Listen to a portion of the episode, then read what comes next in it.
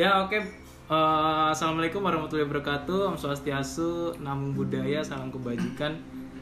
Selamat malam dan salam sejahtera bagi kita semua ya. Eh, gua sama temen-temen gua mau memperkenalkan diri sebelum dimulainya nih. Nama gua Agustian Permana, bisa dipanggil Agus. Eh, biar singkat dan biar gaul aja. Gua 19 tahun di sini dan temen gua siapa namanya? Nama gua Muhammad Robi, biasa dipanggil Robi. Nama gua Rizky Firmansyah, lu bisa manggil gua Rizky, umur gua 20 tahun. Nah, di sini kita enaknya ngomongin hal serius kali ya. Boleh. Apalagi kan kita ini kuliah nih. Iya, Nah, udah gitu jurusannya ilmu komunikasi. Nah, sebagai mahasiswa ilmu komunikasi, setidaknya ya kita bisa ngomongin hal yang bermanfaat lah bagi orang-orang yang mendengarkan ya. Khususnya untuk komunikasi, menurut gua eh, komunikasi itu apa ya? Suatu hal yang terbiasa lah di mata masyarakat ya. Heeh. Hmm. lu tahu sendiri kalau misalkan ada banyak orang tanpa adanya komunikasi itu gimana cara kita Nah, untuk iya. hidup secara sosial kepada orang lain. Kalau menurut lu gimana, Rob? Kalau menurut gue sih ya, komunikasi itu penting banget ya, penting. Apalagi kan kita bertemu dengan orang-orang, kita berkomunikasi sehari-hari tuh kita biar tahu gitu, bersosialisasi gitu.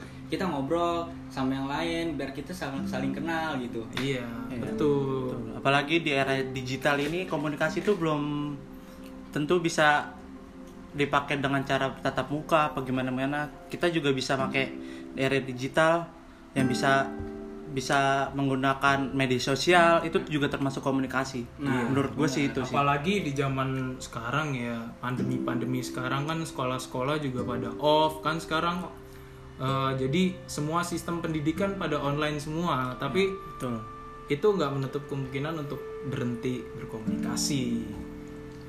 Kita tandanya bisa dari Google Meet, Zoom dan lain-lain. Semua kita jalani itu melalui virtual, tapi tetap adanya komunikasi. Nah, Nah, mungkin di sini kita bakal ngebahas ini ya, salah satu dari materi perkuliahan kita tentang komunikasi ya. nah bisa tuh ngomong-ngomong apa nih yang bakal kita bahas nih? Eh, mungkin gimana kalau strategi komunikasi gimana? Boleh, Fungsinya apa? Gimana? Semua. Oh, kalau fungsi ya menurut pandangan gua. Jadi eh, strategi itu pada umumnya itu itu adalah suatu perencanaan atau planning ya. Hmm. dan eh, manajemen atau manajemen agar tercapainya tujuan tertentu. Tapi buat nyampe nyampe ke tujuan itu strategi itu strategi itu tuh nggak berfungsi sebagai peta jalan. Yang hanya menuntun atau menunjukkan arah saja. Nah, melainkan ya kita harus mampu menunjukkan bagaimana taktik operasionalnya kayak gitu. gitu. Tapi ya eh, sebagian ya ada nih ya menurut gua. Demikian dari strategi komunikasi itu merupakan paduan rencana komunikasi atau komunikasi planning. Nah dengan manajemen komunikasi ini untuk mencapai tujuan yang telah ditetapkan gitu. Tetapi pada kenyataannya memang setiap media memiliki kekurangan atau kelebihan sehingga pada akhirnya saling mengisi kebutuhan masyarakat. Oleh karena itu, setiap penemuan baru dalam bidang media komunikasi tidak pernah mematikan media yang dioperasikan sebelumnya. Hmm, jadi Jadi eh, tujuan sentral strategi komunikasi itu apa sih? Ada banyak nih tokoh-tokoh penting nih seperti Erwin Pace, Brande Peterson dan yang setahu gua M. Dallas Burnett. Di dalam bukunya itu yang berjudulkan Techniques for Effective Communication. Itu menyebutkan eh, bahwa tujuan sentral kegiatan komunikasi itu terdiri dari tiga tujuan Rob. Oke. Oh, yang pertama itu eh, to res- to secure sorry to secure understanding dan yang kedua itu to establish acceptance dan yang ketiga itu to, to motivate action jadi yang pertama itu to secure understanding itu untuk memastikan kalau komunikasi itu eh, atau komunikan kom- si komunikan itu mengerti pesan yang diterima dari orang lain. Nah, setelah itu ada apa lagi nih? Dari Oh, dari yang ini eh, lu masih bingung kan? Jadi andai kata lah ya, Ah, biar lu pada iya. ngerti. eh, misalkan dia ini udah dapat mengerti nih, udah dapat mengerti dan menerima apa maksudnya dari lawan pembicaranya, maka penerimanya itu harus dibina atau to establish acceptance, seperti yang ada di poin kedua yang gue sebutin tadi. Nah, dan pada akhirnya, da, kegiatan itu harus dimotivasikan atau to motivate action. Nah, semua akhirnya poin ketiga itu masuk kan ke dalam eh, ke dalam tujuan sentral kegiatan komunikasi. Eh, baik, eh, tadi yang dijelasin Agus tuh bener ya, udah paham kita. Cuma gimana ya? Gue juga mau nambahin sedikit nih dari sini kan apa namanya yang tadi sebagian Agus bilang. Hmm. Hmm. Nah di sini tuh ada strategi komunikasi yang sudah ditentukan yang bersifat makro yang dalamnya proses berlangsung secara vertikal piramidal gitu. Hmm, gitu ya. Akan tetapi eh, ahli komunikasi di ant- Apa? Se- apa siapa ya? yang ahli komunikasi siapa? ahli komunikasi Harold, yang tadi Harold? eh, Harold? Harold Harold de Laswell ini telah dikritik oleh beberapa ahli komunikasi Oh. Hmm, baik. karena di antaranya yang mengatakan bahwa formula Laswell tersebut mengabaikan faktor-faktor penting yaitu tujuan yang hendak dicapai oleh komunikator. Bahkan seorang tokoh Harold Laswell pun bisa ya Iya, dikritik dengan tokoh-tokoh lain ya. yaitu yang pernah mengkritik eh, si Harold itu adalah Gerhard Maleske. Oh, oke. Jadi karena statementnya dia mengatakan tentang tujuan yang hendak dicapai oleh komunikator itu terbukti ya Ah, ah, terbukti. di sini tuh eh, bukan hanya gimana ya komunikasi juga terjadi di setiap tokoh seperti mengkritik juga suatu hal ya komunikasi ada- komunikasi itu hal biasa itu juga dalam harus membangun ya ya Iya betul. Betul. betul. jadi eh, orang yang menyampaikan pesan yaitu eh, bernamakan komunikator ikut menentukan berhasilnya komunikasi Ki. dalam hubungan faktor source credibility komunikator memegang peranan yang sangat penting karena ya eh, kalau nggak ada komunikator maka pesan yang disampaikan komunikator nggak akan diterima oleh yang penerimanya kayak gitu betul banget.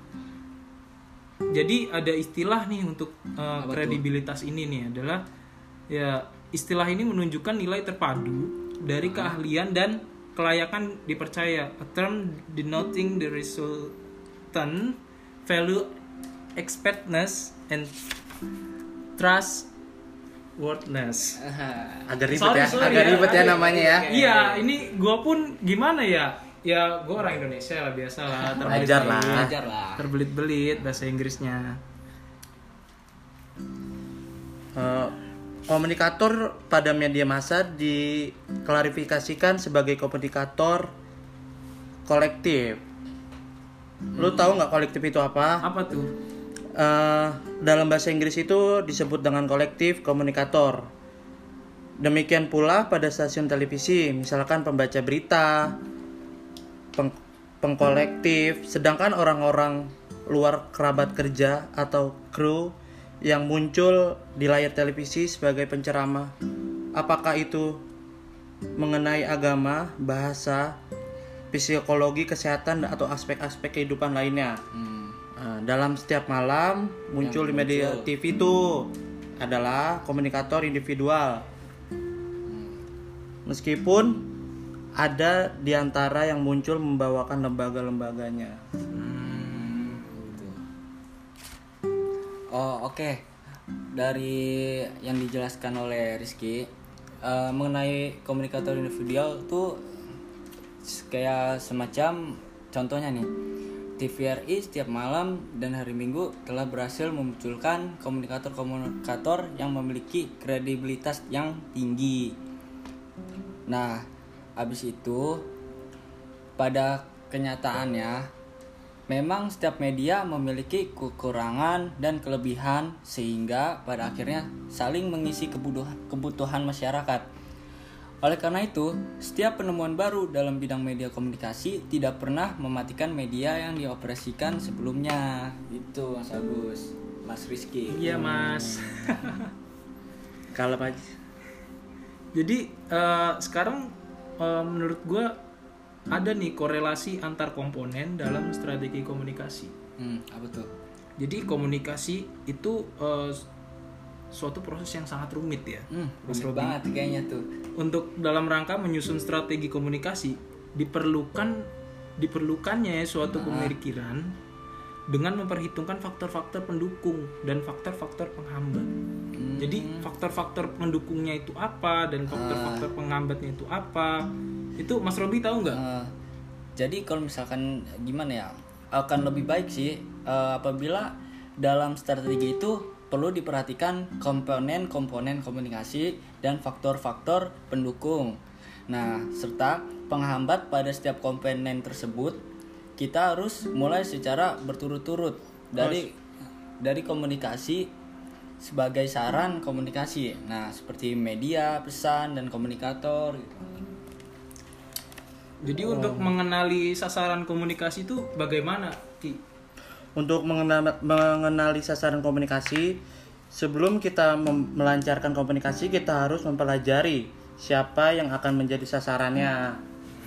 Komunika- komunika- komunikasi kita itu sudah tentu itu tergantung pada tujuan komunikasi apakah agar komunikasi hanya sekedar mengetahui tidak dengan metode informatif atau agar komunikasi melakukan tindakan yang disebut dengan metode persuasif atau instruktif dan tujuannya dan tujuannya itu adalah pada diri komunikasi perlu diperhatikan faktor-faktor sebagai berikut Kayak apa tuh contohnya tuh? Contohnya ada ada faktor kerangka referensi, Ah. faktor situasi dan kondisi. Itu sih. Dan pemilihan media komunikasi itu sangat penting sih sebenarnya. Seperti apa tuh media komunikasi Oh itu? jadi jadi eh, sebelum kita berkomunikasi dengan seseorang itu mungkin kita harus mengenali dulu ya seseorang siapa yang eh, mau kita ajak untuk berkomunikasi Iya, dan kita harus betul. tahu situasinya apakah itu eh, situasinya sangat serius atau bisa mungkin bisa bercanda gitu. Kita harus tahu situasinya. Kalau kita nggak tahu situasi mungkin ya orang mungkin akan salah tanggap. Mungkin pada saat kita serius mungkin pada saat contohnya ya pada saat kita meeting kan kita tahu situasinya saat meeting. Masa kita saat meeting bisa bercanda, Bercanda. kan harusnya kita harus ikut serius dengan Ya. kondisi Nah. dan situasi saat kita meeting. Misalkan seperti itu. Jadi ya komunikasi itu ya kita tetap harus tahu siapa yang kita ajak ngobrol kita ajak komunikasi dan kita harus tahu juga situasi dan kondisinya. Dan untuk media komunikasi itu kita eh, nggak harus dengan tatap muka berbicara atau lain-lainnya. Kita bisa dengan menggunakan pamflet, poster, spanduk, eh, dengan papan pengumuman itu itu sudah termasuk dengan disebut dengan komunikasi. Karena di dalamnya itu tersimpan pengumuman yang tentang informasi yang harus disampaikan oleh orang lain. Berarti itu ya banyak banyak ya. banget, banyak banget. Nah, ada yang mulai dari yang tradisional Ya, sampai yang betul. modern. Ah. Jadi dengan adanya itu mungkin dengan pamflet dan spanduk mungkin kita juga bisa mengetahui adanya informasi misalkan Iya. Nah, pada betul saat sekali. lebaran pun biasanya kan ada tuh Nah, ya. poster-poster Ya. atau spanduk-spanduk yang Ya. selamat Idul Adha atau Idul Fitri itu kita oh iya berarti sekarang udah masuk nih lebaran oh dari situ terjadinya ya uh, pemberian informasi dan Ah, sebuah penyak iya Apalagi di era digital Baiklah. ini kita kayak mau ngadain acara apa gimana gimana, kita tidak harus mencetak undangan seperti zaman-zaman sebelumnya kita bisa men- me- mengikuti dengan era digital. Iya. Ya, kita bisa share di grup, Iya, apa di apa, link gitu share ya. Undangan Ah, juga undangan sekarang. udah era digital, udah gampang sih, tidak perlu modal yang banyak banget. Bahkan kita pun sebagai mahasiswa ya sudah tidak lagi mengerahkan tugas itu dengan cara kita harus ngeprint, Iya, kalah, betul. kalah dan kita harus ngejilid dulu. Bahkan kita juga bisa menyerahkannya uh, di classroom. Classroom, apalagi di pandemi seperti ini, kita mengerjakan soal, mengerjakan tugas, itu tidak harus dengan di print tadi dijelaskan oleh Agus, Iya. kita langsung mengcopy file ya dan dikirim ke yang disuruh oleh dosen itu tersebut, apakah di classroom atau di media-media pembelajaran lainnya itu sih. Dan juga banyak ya sekarang platform-platform yang bisa kita gunakan atau yang biasa dosen kita gunakan ya selain di classroom atau media platform lainnya ya. Seperti salah satu dosen kita ya Pak Yosi gitu. Dan Ibu Nurul dia mungkin berbeda dengan dosen-dosen lainnya. Dia memakai uh, platform yang bernama Slack. Nah, di situ juga kita bisa sharing saling-saling sharing informasi. Dan Bu Nurul dan Pak Yosi juga bisa memberikan tugas lewat platform tersebut. Dan masih banyak lainnya platform yang bisa mengarahkan uh, atau memberikan informasi tugas atau mengarahkan tugas. Nah, oh iya, Gus, ada lagi nih uh, dari peranan komunikator dalam komunikasi. Apa tuh pena- peranannya tuh? Nah, Nah, ada faktor yang penting nih. Nah, yang penting itu pada diri komunikator bila ia melancarkan komunikasi yaitu harus ada daya tarik sumbernya gitu. Mm-mm. Nah, s- selain kan itu perlu ada kredibilitas sumbernya gitu.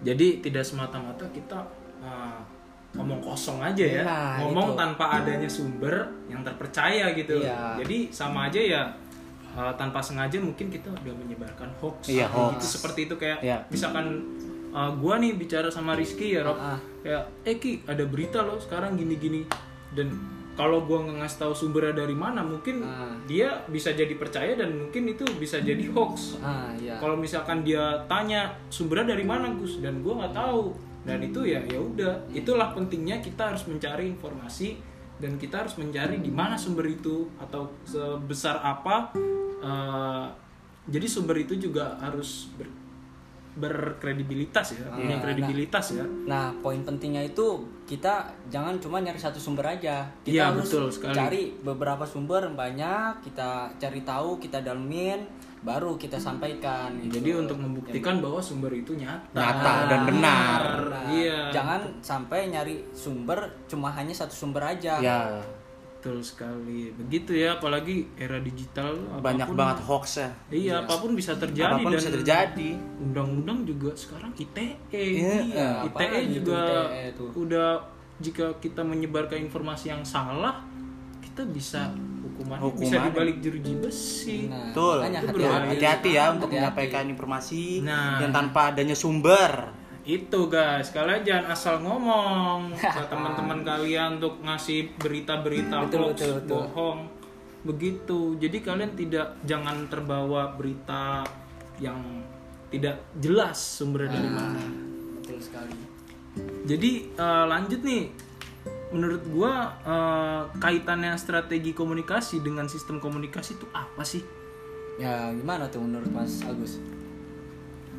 Kalau gua sih nggak tahu ya, mungkin Mas oh Rizky iya, tahu Mas ya. Rizky kali ya. Sebenarnya sih di sistem komunikasi itu ada yang disebut dengan, dengan makro vertikal.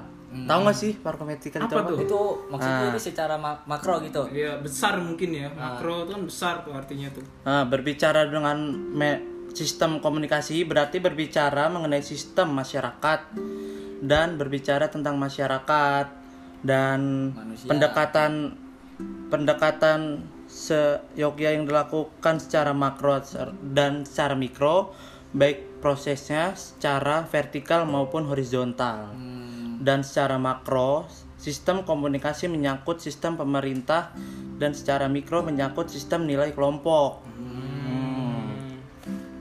mungkin ya. Jadi mungkin ranahnya lebih besar lebih makro besar ya, makro karena pemerintah. karena pemerintah luas Iya, lebih luas lagi. Gitu. Jadi eh, mungkin ya untuk eh, era sekarang kan eh, ada tuh seperti platform-platform yang kita ketahui ya di lain televisi itu ada YouTube, ada Spotify, kita bisa denger-dengar informasi berita, apalagi ada Di mana Twitter aja. di sana Twitter, iya. gitu. Tapi eh, dari televisi dan YouTube itu kan sebuah video platform untuk eh, memberikan informasi atau eh, memberikan iya memang memberikan informasi secara video ya melalui video. Jadi itu pengaruhnya apa sih untuk Ah. televisi dan eh, dari video tersebut yang dari YouTube tuh Kalau pengaruhnya apa ya? kalau menurut saya eh, pengaruh televisi itu ya terhadap sistem komunikasi itu tidak lepas dari pengaruh terhadap aspek-aspek aspek-aspek nih kehidupan pada umumnya gitu loh. Hmm. Nah, bahwa televisi menimbulkan pengaruh terhadap kehidupan masyarakat Indonesia. Nah, sudah banyak yang mengetahui dan merasakannya. Oh berarti televisi banyak sekali ya memberi informasi-informasi yang Ya, dan juga memberikan banyak pengaruh mungkin ya. Pengaruh. Dan makanya di televisi itu banyak mungkin sinetron yang bawahnya ada tulisan khusus 18 18, 18 ke atas. Terus ke atas 13 dan itu ya tugasnya orang tua juga harus mengetahui lah anaknya mana yang harus ditonton selayaknya umur anak. Tapi eh, untuk pihak televisi pun sekarang udah pintar sih. Dia ar- dia tahu mana yang untuk 18 ke atas dan dia menempatkan di jam-jam Nah. yang anak di bawah 17 itu udah pada tidur. pada tidur dan sekarang pun eh, darah aja disensor ya Iya. karena kita sudah tidak mau yang berbau-bau maaf ya mungkin pembunuhan atau yang hal-hal negatif Hal-hal negatif yang ya. bisa salah dicerna gitu iya oleh mungkin Anak begitu di bawah umur. Jadi mungkin itu aja ya strategi komunikasi itu intinya ya mulai dari platform apa aja. Ah, seperti YouTube juga mempunyai strategi. Mungkin sekarang memang bisa dihasilkan apa diuangkan istilahnya ya. Untuk namanya AdSense, seperti iya, itu. benar. dan itu memiliki strategi ya agar kita mendapatkan AdSense yang baik dan mungkin channel YouTube kita misalkan kita punya channel YouTube agar aman juga ya kita harus berbicara yang bagus tidak membawa yang tidak bicara yang membawa-bawa uh, isu-isu negatif atau membawa orang lain ke dalam uh, berpengaruh yang buruk juga seperti pembunuhan dan lain-lain gitu. Itu menurutnya itu menurut gua sih menurut uh, pendapat gua strateginya itu dari pandangan YouTube itu begitu dan televisi pun sama ada apa ya K- KPI ya KPI, KPI ya itu untuk yang televisi. melindungi tentang penyiaran-penyiaran di televisi itu. Sepertinya pembicaraan kita kali ini berat sekali ya. Lebih baik ngopi dulu kali. Boleh, boleh. Seruput-seruput. Ini ada tenggo nih. Ada wafer. Mungkin kalian ya itulah ini berbagi ilmu aja Berbagi kita. ilmu aja Iya. sambil santai-santai. Daripada podcast isinya cuma ya untuk hal-hal yang nggak jelas atau yang nggak berbobot. ya. Heeh. Kali ini kita bahas yang berbobot sekali. Dan juga penting untuk kita di masa depannya apalagi di era jadi Betul, betul. digital sama sekarang. ya. Oke Mas Robi mungkin itu aja kali ya kita ya. Udah cukup banyak yang kita sampaikan di pada podcast ini ya. Hmm. Saya rasa sih itu aja sih. Iya buat kalian sekarang kita pesan, sampaikan. Ya pesan gua sih untuk uh, lebih berhati-hati aja untuk menyampaikan pesan atau informasi kepada orang-orang sekitar anda gitu. Karena sekarang udah banyak berita-berita hoax yang tidak jelas sumber dari mana dan Dan negeri kita juga negeri hukum, mempunyai peraturan, apalagi yang banyak sekali banyak sekali eh, pelanggar-pelanggaran yang menyebarkan video apa informasi tentang yang tidak ada sumbernya, Iya. tidak sesuai dengan kenyataannya. iya Itu bisa dibalikan lagi dan bisa terkena hukum. dan sekarang pun ya kita salah ngomong aja punya resiko yang sangat besar ya apalagi denda yang sangat besar begitupun uh, kita bisa dijebloskan dalam jeruji kalau menurut pandangan Mas Robi tentang strategi itu bagaimana Mas? Kalau menurut saya sih ya, jangankan di kehidupan nyata nih, kita tuh kayak berbaik dengan bermedia sosial tuh kita harus berhati-hati gitu. Iya, loh. betul. Uh, jangankan gimana ya, di dunia real life nih misalkan kita, kita pun udah biasa bersikap biasa, cuman kita di saat bermedia sosial kita tidak berhati-hati, sama aja. Yang intinya di mana pun kita berkomunikasi bermedia sosial dalam kehidupan kita yang nyata kita tuh harus bersikap yang baik gitu loh. Betul betul banget. Karena ya logis juga sih dari Mas Robi juga untuk bersikap baik kepada orang lain ketika kita sedang berkomunikasi. Karena Ah. ketika kita tidak menjaga omongan kita mungkin orang lain yang kita ajak komunikasi mungkin bisa tersinggung ya. Tersinggung. kalau misalkan ada perkataan kita yang kurang enak di hatinya kayak gitu. Jadi ya makanya itu tadi yang dalam materi ini ya eh, kita harus tahu kondisi situasi dan bagaimana personalitinya seseorang yang kita ajak berkomunikasi. Komunikasi itu. Gitu guys. Oke mungkin segitu aja ya dari kita ya. Eh, cukup aja ya dari waktu yang singkat ini. Kita udah banyak menyampaikan pesan-pesan yang sangat berbobot dan mungkin alhamdulillah eh, info-info kita ini bisa, bisa menambah- sampai kepada pendengar kalian semua yang mendengar di podcast ini. Dan bisa menambah wawasan anda dan kita setidaknya bisa berguna. Dan saling sharing aja kita Saling ya. sharing saling aja. sharing kita juga sedang belajar juga untuk masalah ini. Semualah saling belajar. Begitu. Oke mungkin segitu aja ya Mas Robi Mas Rizky. Ya. Eh, Assalamualaikum warahmatullahi wabarakatuh. Om Swastiastu Selamat malam semuanya Semoga kalian semua diberikan kesehatan. Amin amin. Amin amin amin